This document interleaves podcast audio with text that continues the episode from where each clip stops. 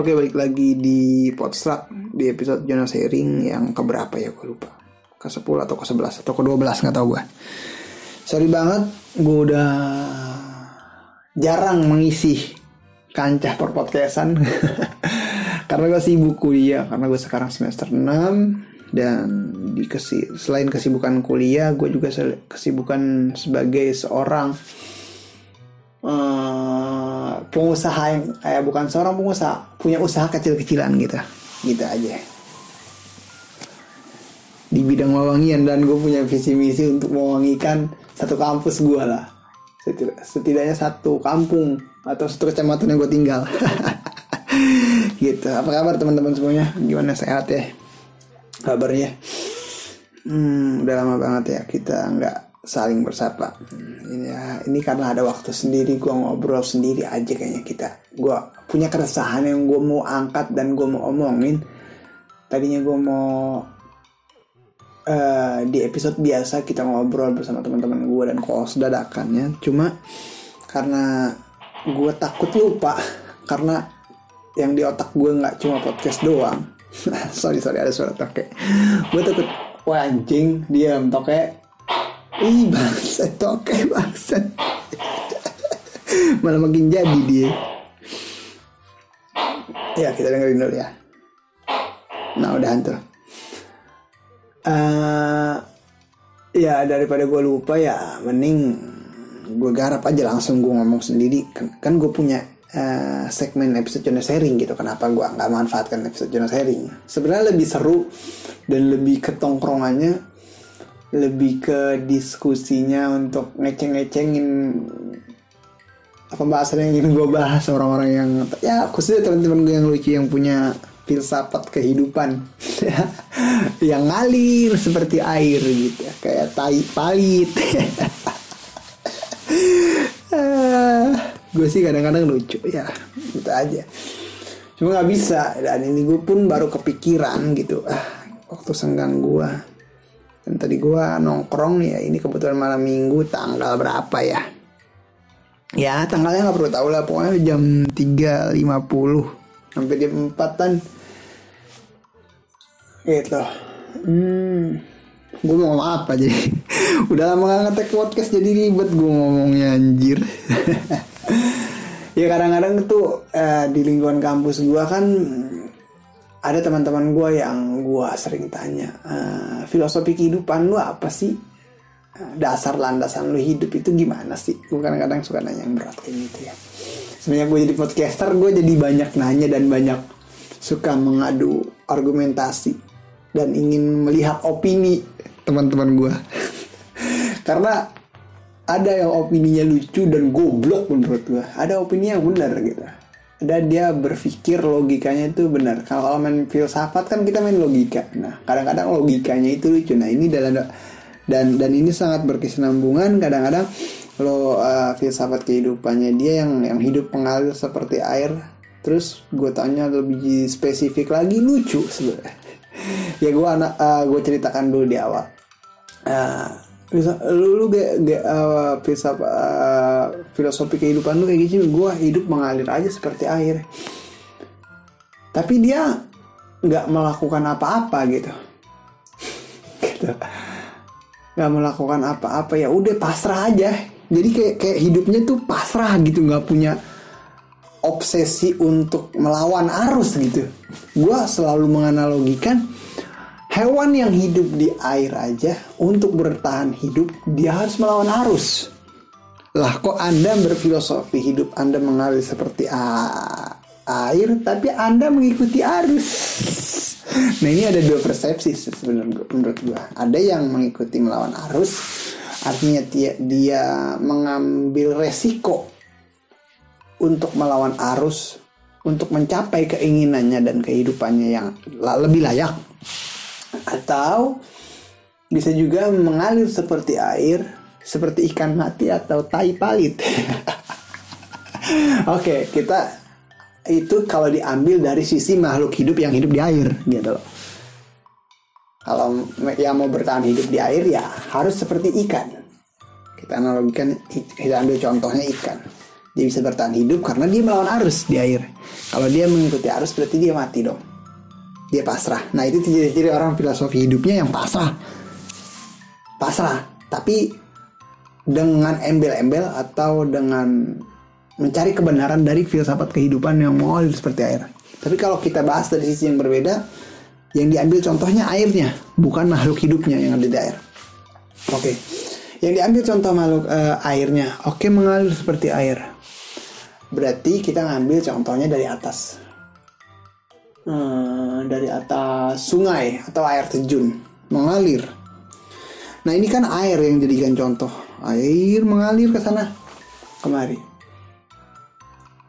Air yang terjadi jernih mengalir ke sungai sungai danau. Danau terus bisa nyampe menembus ke lautan lautan menembus ke samudra. Kalau itu uh, jalannya bagus. Untuk mencapai ke jalannya bagus uh, seperti ke samudra artinya pola pikirnya luas artinya wawasannya banyak artinya ilmunya banyak artinya pengalamannya banyak. Kehidupan tentu banyak rintangan. Setelah mengalir air itu yes mengikuti arus tapi juga ada arusnya yang belok kiri belok kanan nggak semuanya lurus gitu terpecah-pecah. Nah itu dibagi. Arusnya itu ada yang bagus ke sungai atau menembus ke lautan bahkan bisa sampai ke samudera. Kalau arus airnya ini menembus ke selokan dan lu ketemu bertemu tai gitu. Bertemu comberan. Artinya kan nasib lu jelek. Nasib lu jelek gitu. Fila, kehidupan lu jelek. Filosofi kehidupan lu ketemu tai lagi aja. Ketemu tai lagi aja gitu ketemu tai lagi aja. Lu masuk ke selokan. Dan itu gue berak lu nyambu airnya dari dia gitu. Ya oke kita air ini adalah sumber kehidupan. Kita kita ambil contoh air ini adalah sumber kehidupan. Kalau sehari tidak tanpa ada nggak ada air mungkin manusia bisa mati. Air ini bis oh, uh, uh, apa salah satu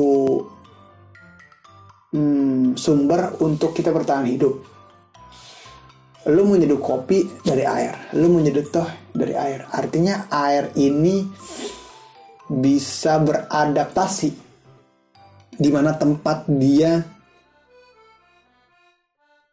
jadinya gitu. Ketika dia dimasakkan air panas akan jadi kopi atau bisa jadi espresso itu dari air. Espresso kopi yang biasa nggak bisa jadi espresso kalau nggak ada air. Gitu. Artinya air yang mana dulu nih yang mau lu tuju. Berarti kan uh, kehidupan yang mana dulu nih yang mau lu tuju kalau lo kehidupan lo ingin bagus dan mengalir seperti air dan airnya bagus sampai ke tujuan lo menuju samudra atau ke lautan lepas, artinya wawasan lo banyak, atau lo air yang menuju ke comberan. Nah, ini jalan ini lo yang menentukan. Bukannya arti kata lu filosofi mengalir aja seperti air lu pasar dengan kehidupan lu. Tanpa lu jalani gitu. Kalau di dalam Al-Qur'an kan uh, apa namanya uh, ya yang menentukan lu jadi apa itu ya lu sendiri gitu. Ya kan? Ada tuh di di, di, di, di, di dalam Al-Quran tuh kalau nggak salah gitu. Ini gue belibet banget ngomongnya. Artinya kita punya peran penuh untuk menentukan jalan hidup kita seperti apa meskipun uh, setengahnya lagi Allah yang menentukan. Tapi kita harus jalan dulu. Ikhtiar dulu gitu loh. Lu baru tawakal kalau orang yang kayak mengalir aja seperti air tapi pasrah gitu. Lu salah salah men. Anak apa teorinya salah. Lu langsung pasrah tanpa mengadakan tawakal. Ya lu tawakal dulu lu menentukan kayak gimana setelah lu jalanin lu capai A tapi lu kasih ke B ke C akhirnya ke D dan E F G H. Lu nggak dapet si A tapi lu dapet B C D E F artinya lu lebih banyak gitu loh nah maksud gue itu jangan mengalir aja.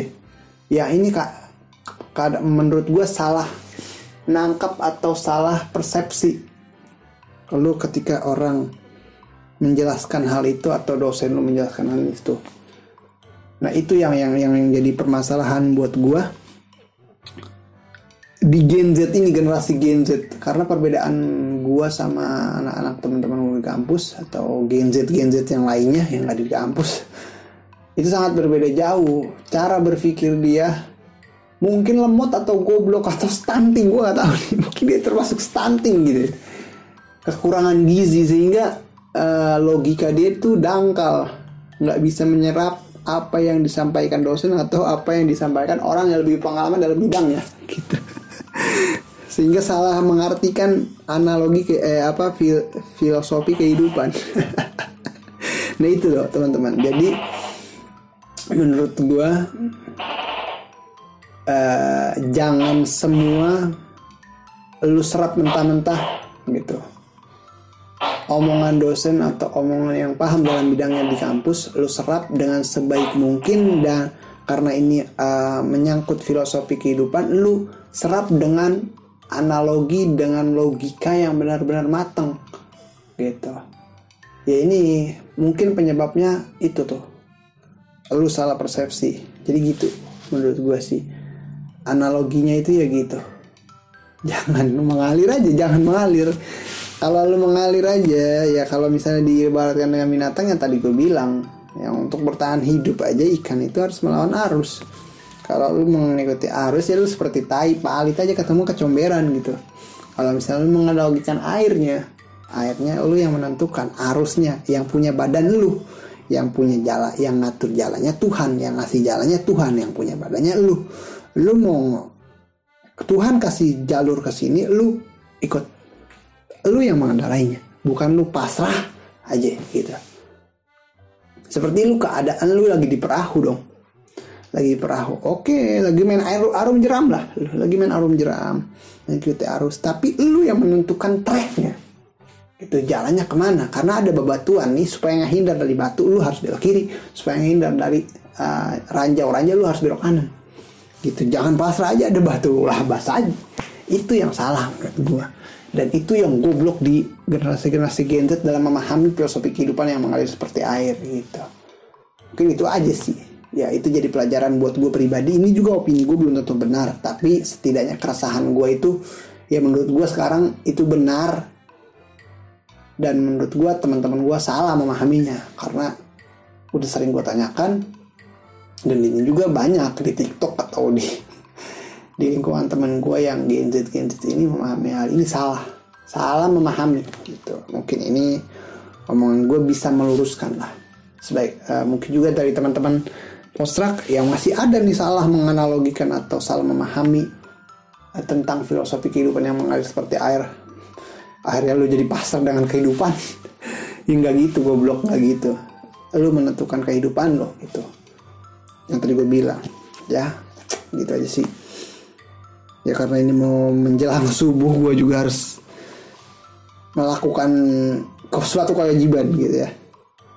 Ya itu aja sih sedikit saran buat gue pribadi. Mungkin ini juga jadi jadi pelajaran buat gue dan mungkin ini juga jadi pelajaran buat lo karena kebenaran itu mutlak milik Tuhan bukan milik gue gitu ya. Ya udah see you back